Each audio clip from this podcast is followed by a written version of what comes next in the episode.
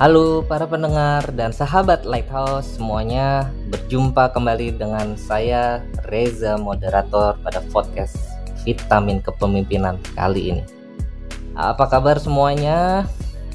Sekiranya selalu sehat, bahagia, dan tetap produktif Iya, pada podcast kali ini kita kembali akan membahas mengenai kepemimpinan bersama dengan narasumber utama kita Pak Erik Iskandar. Halo Pak Erik, apa kabar? Halo juga Mas Reza. Kabar saya baik. Bersyukur saya sehat. Mas Reza gimana kabarnya? Ya, baik-baik sama juga Pak. Bersyukur juga sampai saat ini alhamdulillah semuanya sehat, keluarga juga sehat. Gitu. Semoga kita semua dianugerahkan kesehatan. Amin. Ya, Ya, bersyukur. Alhamdulillah kita sehat semua ya. Semoga para pendengar yang mendengar podcast kali ini pun selalu berada dalam kondisi sehat. Senang nih bisa ketemu Mas Riza kembali ya. Bisa ketemu teman-teman pendengar dan semua sahabat. Karena sudah lumayan lama nih kita vakum dari produksi podcast kita nih. Iya, betul. Iya. Nah, yang penting akhirnya kita bisa kembali mengudara dan semoga seperti yang tadi Mas Riza sampaikan di awal ya, supaya kita semua berada dalam kondisi sehat, bahagia, dan tetap produktif dalam karya kita masing-masing yang membawa manfaat buat orang lain. Ya, oke, okay. Pak Eri, kali ini episode ya. kita nih yang keberapa ya? Ke-8 mungkin ya kalau Betul. tidak salah. Betul, kita episode 8. Iya, kita mau bahas apa ini Pak Erik? Ada sesuatu yang menarik untuk kita angkat topik kali ini? Yes, pastinya menarik. Oke, Mas Reza dan teman-teman pendengar tentu kita masih akan bahas seputar kepemimpinan ya. Karena podcast kita ini berfokus untuk membantu teman-teman pendengar semua untuk mampu memimpin dengan lebih efektif. Jadi di podcast kali ini kita akan bahas perilaku pemimpin yang penting untuk dia lakukan pada dirinya sendiri dulu supaya dia bisa memimpin orang lain dengan efektif Mas Reza. Oke, seperti biasa sebelum membahas kita akan dengarkan dulu sebuah kisah berikut ini.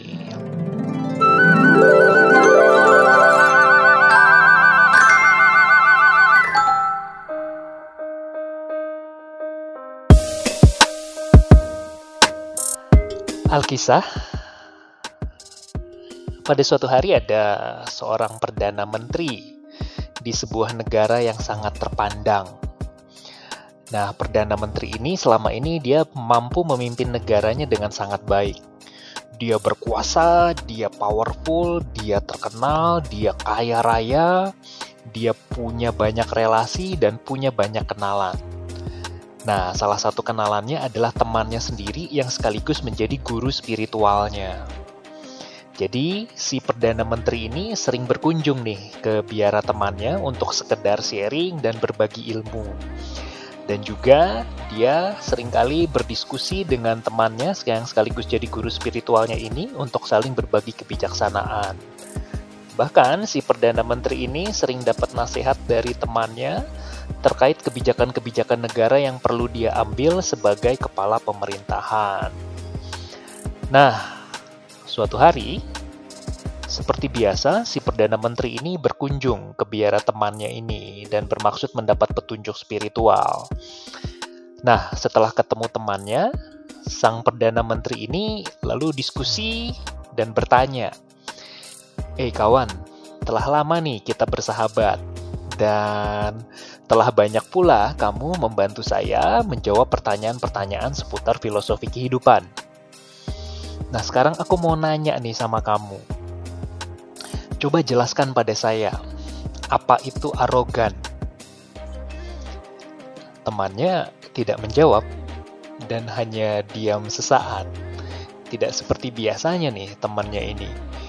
Tiba-tiba temannya ini berkata dengan nada marah dan merendahkan setelah sekian lama kita berteman, kenapa kamu masih aja ngajuin pertanyaan bodoh kayak gitu? Pertanyaan bodoh macam apa itu? Nah, si Perdana Menteri kaget mendengar perkataan temannya tersebut. Nggak kayak biasanya nih. Tentu saja si Perdana Menteri terpancing emosinya. Dan dengan marah dia membalas, apa-apaan kamu bilang saya bodoh? Kamu memang teman saya, tapi kamu nggak tahu siapa saya. Ingat ya, saya Perdana Menteri negara ini. Kalau saya mau, saya bisa penjarain kamu karena sudah menghina Perdana Menteri.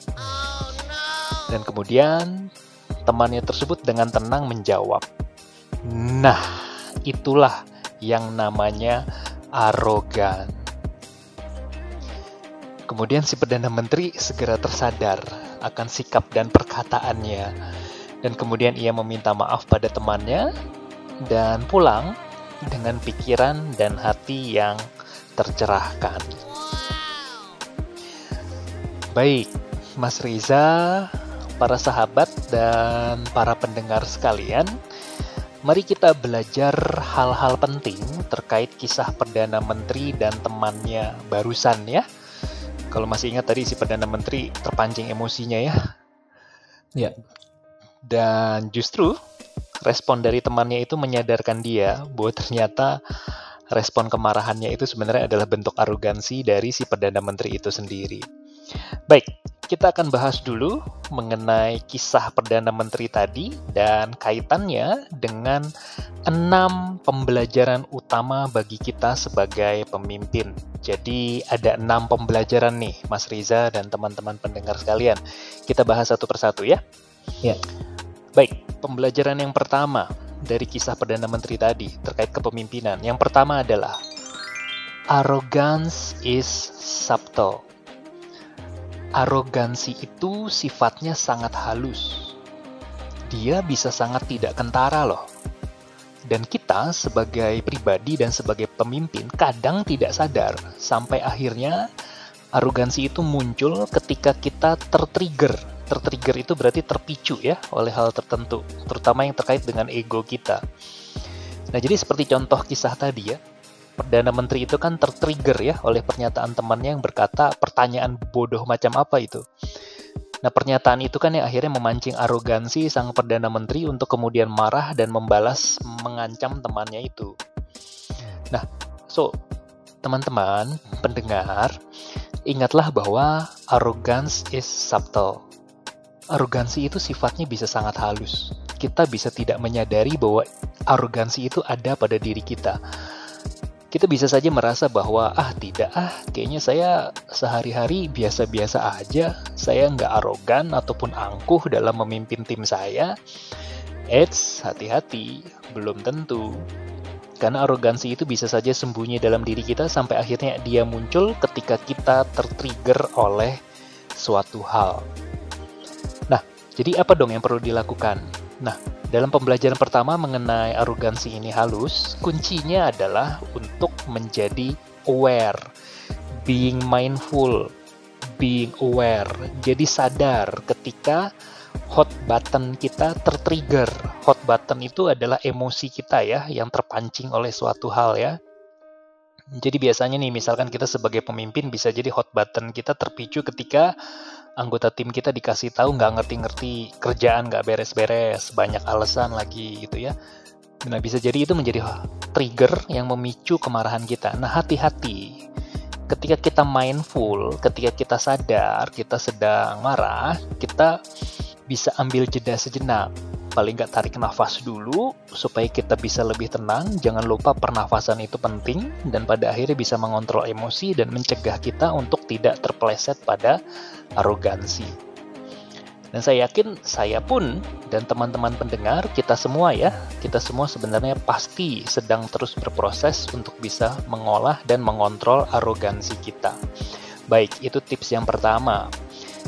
Tips yang kedua, pembelajaran yang kedua terkait dengan kisah tadi ya. Pembelajaran yang kedua adalah the more powerful we are, the more susceptible we are to sleep. Jadi, semakin kita memiliki kekuasaan, pengaruh jabatan, semakin rentan kita untuk terpleset. Jadi, semakin kita punya kekuasaan, jabatan, dan pengaruh di dalam struktur organisasi yang lebih tinggi, semakin mudah bagi kita untuk terpleset kepada arogansi. Penelitian menunjukkan, jadi ini penelitian dilakukan kepada para bisnismen ya, pada petinggi-petinggi di organisasi. Penelitian ini menunjukkan bahwa semakin tinggi posisi dan jabatan kita dalam struktur organisasi, makin sulit buat kita untuk memahami sudut pandang orang lain. Nah, makanya hati-hati, semakin tinggi jabatan kita, semakin penting bagi kita untuk memahami sudut pandang orang lain. Nah, jadi apa dong yang perlu dilakukan? Nah, jadi ketika kita memiliki posisi dan jabatan yang semakin tinggi dalam organisasi, ingatlah semakin penting bagi kita untuk membentuk yang namanya lingkaran dalam. Jadi kita membentuk lingkaran dalam dengan mengajak dan melibatkan orang-orang yang kompeten dan yang kita percaya untuk memberi feedback pada kita. Jadi untuk memberikan kita keluasan sudut pandang karena bagaimanapun sudut pandang kita pasti terbatas. Jadi kita butuh orang yang kita percaya untuk memberikan argumen, untuk memberikan feedback, untuk memberikan pendapatnya, bahkan ketidaksetujuannya terhadap sudut pandang kita. Supaya kita tidak terpleset kepada arogansi bahwa seakan-akan sudut pandang kita yang paling benar. Nah, itu pembelajaran kedua terkait dengan kepemimpinan dari kisah sang Perdana Menteri tadi. Oke, Mas Riza dan teman-teman pendengar, kita lanjut kepada pembelajaran yang ketiga. Pembelajaran yang ketiga adalah ini. It is important to be confident, but it is not okay to be arrogant. Jadi, penting bagi kita sebagai pemimpin untuk bisa percaya diri. Namun, tidak baik bagi kita untuk jatuh pada arogansi. Nah, jadi sebagai pemimpin tentu penting dong buat kita untuk tampil pede, berprinsip, dan juga tegas. Pede itu oke, okay, tapi arogan itu tidak oke. Okay. Pemimpin perlu tampil percaya diri, tapi jangan sampai terpeleset menjadi arogan. Nah, lalu apa doh bedanya antara pede dengan arogan? Jadi pede itu adalah ketika kita sebagai pemimpin yakin pada kebenaran dan prinsip kita sendiri tanpa memaksakannya pada orang lain. Nah, sementara arogan itu adalah ketika kita yakin pada prinsip kita dan memaksakannya pada orang lain. PD itu adalah ketika kita memiliki kejelasan prinsip kita dan menghormati prinsip orang lain. Arogan itu adalah ketika kita menyerang orang lain yang berbeda pandangan atau prinsip dengan kita. PD itu adalah ketika kita membuka diri terhadap feedback untuk perbaikan, sementara arogan itu adalah ketika kita menutup diri terhadap feedback karena merasa diri paling benar. Nah, so penting bagi kita sebagai pemimpin untuk menumbuh kembangkan rasa percaya diri dan pastikan bahwa kadar, jadi kadar kepercayaan diri kita itu mesti berada pada takaran yang seharusnya ya, supaya dia tidak menjadi berlebihan yang akhirnya bisa membuat kita terpleset menjadi arogan. Oke, jadi pada prinsip yang ketiga ini, apa dong yang perlu dilakukan supaya kita bisa tetap pede dan tidak terpeleset menjadi arogan? Kuncinya adalah untuk practice humility practice humility. Jadi kita perlu melatih ya, melatih kerendahan hati kita untuk kita sadar bahwa kita bukan yang paling tahu segalanya. Jadi dengarkanlah pendapat orang, terima feedback dan masukan, pahami sudut pandang orang lain dan bersedialah belajar dari anggota tim kita yang lebih mampu dari kita. Baik, itu pembelajaran ketiga ya. Kita masuk ke pembelajaran keempat, Mas Riza dan teman-teman pendengar. Baik, pembelajaran keempat terkait kisah Perdana Menteri tadi. Pembelajaran keempat adalah do not do personal attack. Jadi jangan menyerang pribadi atau karakter orang lain. Karena arogansi akan muncul ketika kita menyerang pribadi atau karakter orang lain. Jadi marah itu boleh, bahkan harus kalau memang ada hal yang menyimpang jauh dan melanggar dari nilai-nilai kebaikan ya. Tapi marah itu kan juga ada caranya dong dan tidak serampangan. Caranya adalah kan kita tidak memarahi, memarahi anggota tim atau orang lain di depan umum, hanya membahas perilakunya saja tanpa menyerang pribadinya. Jadi ya kita menghindarilah kata-kata yang menyerang pribadi gitu ya. Jadi hindarilah kata-kata misalnya dasar nggak disekolahin ya kamu atau mikir pakai otak dong atau kerja nggak becus, mending pulang kampung aja kamu sono. Ya, kata-kata seperti itu kan sudah menyerang pribadi. Sudah kata-kata yang personal attack. Nah, kata-kata itu kan hanya menunjukkan arogansi kita. Oleh karena itu kuncinya sekali lagi be mindful. Sadarlah dengan kata-kata yang kita pilih untuk kita ucapkan pada orang lain. Baik, kita masuk ke dua pembelajaran terakhir pembelajaran kelima terkait prinsip kepemimpinan yaitu treat everyone with respect. Perlakukanlah orang lain, semua orang, siapa pun itu dengan rasa hormat. Jadi siapa pun yang ada di kantor, di tempat kerja kita, mulai dari office boy, cleaning service, security, frontliner, CS, manager, direktur, pemilik perusahaan, siapa pun itu, kita perlu menunjukkan rasa hormat pada setiap orang tanpa memandang status atau jabatan mereka. Ini pengalaman saya nih. Pernah loh beberapa kali saya menemui ada loh petinggi di perusahaan yang hanya mau berdiskusi atau melayani departemen lain dengan orang yang selevel dengannya. Jadi kalau ada staf departemen lain nih yang menghadap dia untuk diskusi, dia nggak mau loh dia hanya mau melayani kalau si manajer departemen tersebut yang datang menghadapnya gitu. Saya juga ingat nih, ini contoh ya. Dulu waktu saya sebagai recruiter, saya pernah punya user, jadi dia manajer departemen lain ya. Yang dia tuh memperlakukan kandidat saat interview tuh seenaknya gitu. Jadi padahal saya udah capek-capek, kita udah capek-capek dapetin kandidat yang bagus gitu ya, udah lolos dari kita, terus kita mau kasih ke yang bersangkutan untuk interview gitu ya. Eh, malah user ini interviewnya dalam tanda kutip ya, uh, ya rada songong gitulah, nanya-nya ketus, uh, ngetes-ngetes si karyawan calon karyawan ini malah menghakimi si kandidat seakan-akan dia yang lebih jago gitu kan. Ya, makanya jadi treat everyone with respect. Karena ya itu tadi user yang tadi ya yang dia memperlakukan kandidat seenaknya itu ya itu kan hanya menunjukkan arogansi yang bersangkutan saja kan. So hati-hati. Treat everyone with respect. Siapa pun itu lakukan perlakukan orang lain dengan penuh rasa hormat. Itu saja baru user ya pak ya. Levelnya? Manajerial? Dia manager user ini oh. waktu itu levelnya manager yang saya rekrut itu untuk staffnya dia. Saya lihat ada beberapa orang nih. Ini bagus-bagus kandidatnya. Hmm, anak-anak hmm. muda gitu ya fresh graduate baru lulus. Saya melihat energik, potensinya ya. bagus. Betul energik. Saya kasihlah ke yang bersangkutan dan diinterview oleh dia. Ya waktu itu ada saya ya di ruangan ya. Hmm. ternyata gaya interviewnya bikin geleng-geleng kepala. Aduh, punya user kayak gitu repot juga ya. Iya, iya, iya. Nah, itulah jadinya hati-hatilah kita. Ya. Siapa pun itu bahkan terhadap orang yang mau kita interview, kandidat yang mau kita interview pun harus kita perlakukan dengan rasa hormat. Baik, kita masuk ke pembelajaran terakhir, Mas Riza dan teman-teman. Pembelajaran terakhir terkait dengan kisah Perdana Menteri tadi ya.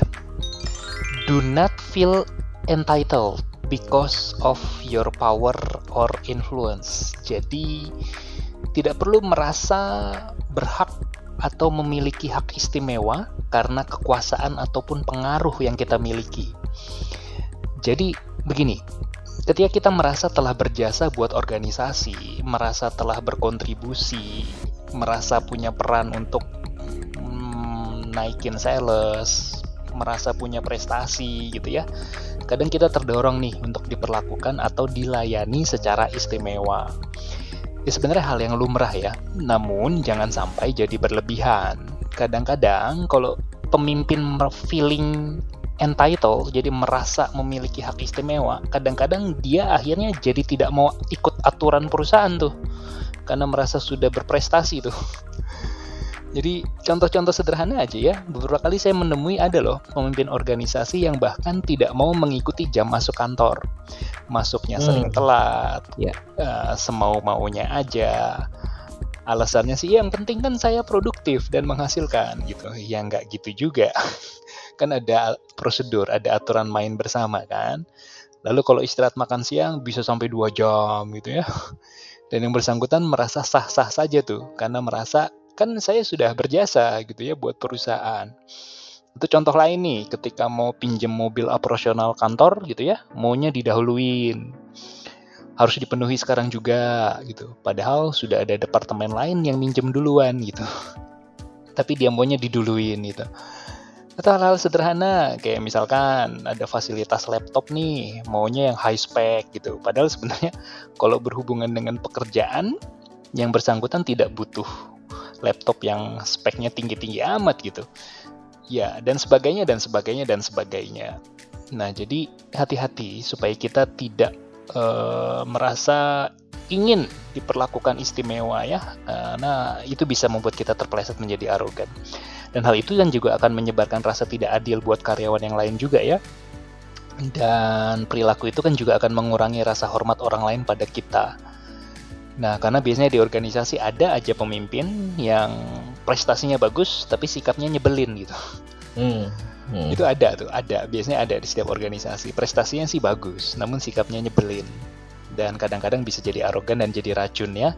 Nah, oleh karena itu kita sebagai pemimpin perlu aware, perlu hati-hati. Ya tidak perlulah menuntut diperlakukan istimewa, cukup dengan berkontribusi, berprestasi cemerlang, sikap positif, bawa diri dengan baik, berikan pelayanan terbaik itu pada akhirnya privilege atau hak istimewa kan akan datang dengan sendirinya seiring dengan prestasi yang kita tunjukkan. Dan tetaplah ikuti saja prosedur apa yang sudah menjadi aturan main bersama di dalam organisasi ya, dalam hal-hal sederhana entah itu urutan mau minjem mau minjem mobil operasional atau jam masuk kantor dan lain sebagainya. Nah, jadi ini enam pembelajaran utama dalam hal prinsip kepemimpinan terkait dengan kisah Perdana Menteri tadi, Mas Riza dan teman-teman sekalian ya. So pastikan kita dalam memimpin, pastikan kita percaya diri, namun hati-hati ya, jangan sampai PD tersebut menjadi berlebihan dan pada akhirnya terpeleset menjadi arogan. Ya, Pak Erik. Ini kisah yang cukup menarik ya karena tanpa memberikan contoh tadi kisah dari perdana menteri pun saya rasa sebenarnya mm-hmm. hampir dari setiap diri kita ya umumnya uh, sebagai mm-hmm. orang manusia yang punya sifat arogan yang tanpa kita sadari mungkin saya rasa hampir mm-hmm. setiap manusia itu punya cuma balik lagi bagaimana kita iya. memaintain yeah. tersebut bagaimana kita uh, sadar akan uh, hal-hal dari perbuatan kita, sikap kita, uh, tutur kata kita yang seperti tadi Pak Erik uh, cerita dalam beberapa kisah gitu kan. Itu sebenarnya hmm, satu hmm. paket ya dari enam pembelajaran hal ini gitu kan. Karena iya bisa dibilang Betul. kita terkadang hilaf uh, akan hmm. melakukan berbuat ya. berkata. Iya iya terpleset lah. iya terpleset lah. Atau mungkin juga ada beberapa orang yang memang punya rasa jiwa yang tinggi seperti itu arogan yang seperti itu. Hmm. ya saya rasa kita kali ini sebenarnya merefleksikan diri kita bahwa kita juga harus bercermin sebetulnya. Dari tadi saya mendengarkan kisah-kisah cerita dari Pak Erik ini hikmat ya maksudnya. Eh, saya ngerasa apakah saya iya juga pernah melakukan betul, seperti itu. Betul. Walaupun tidak dengan anggota tim, misalkan dengan yeah. orang lain atau dengan uh, rekan kerja saya gitu yang levelnya sama seperti itu kan. Betul. Betul Mas Reza. Ini yang menarik sebenarnya jadi dari podcast ini dari saya yang menyusun konten ini pun juga saya sebenarnya sedang menasihati diri sendiri juga nih. sedang berbagi, sedang sharing, sedang berbagi inspirasi untuk teman-teman pendengar dan sebenarnya juga sedang berupaya memberi inspirasi pada diri sendiri juga. kita semua journey to becoming a better leader. Memang setiap dari kita pasti sedang berproses dan terus berproses menjadi pemimpin yang lebih baik setiap harinya. Iya, pastinya lah Pak Erik. Karena apalagi kalau kita terapkan ini terhadap sebuah organisasi, orang yang merasa jabatannya makin tinggi dia akan merasa merasa semakin berkuasa. Itu yang perlu uh, kita yeah. sadari, hati-hati. Betul, kita perlu hati-hati. Betul. Bahaya.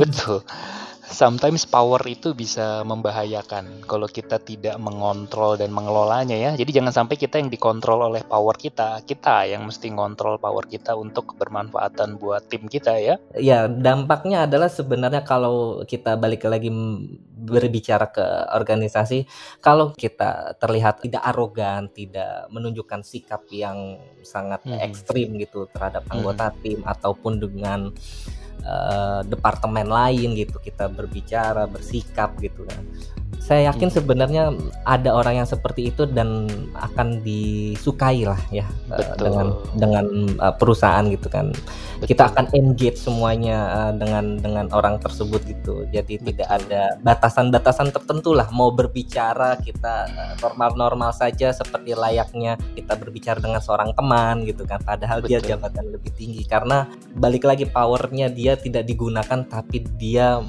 menyamaratakan posisinya dengan teman-teman rekan kerja lain. Betul. Betul Mas Riza. Ini menarik nih. Saya ada dua poin tadi dari yang Mas Riza sampaikan. Pertama mengenai being likable. Jadi menjadi pribadi yang disukai orang lain. Jadi iya. dengan sikap positif, pembawaan yang apa friendly gitu ya. Iya. Itu sebenarnya kan membuat kita disukai orang lain. Betul. Jadi anggota tim itu akan suka tuh dengan pemimpin yang pembawaannya kayak gitu.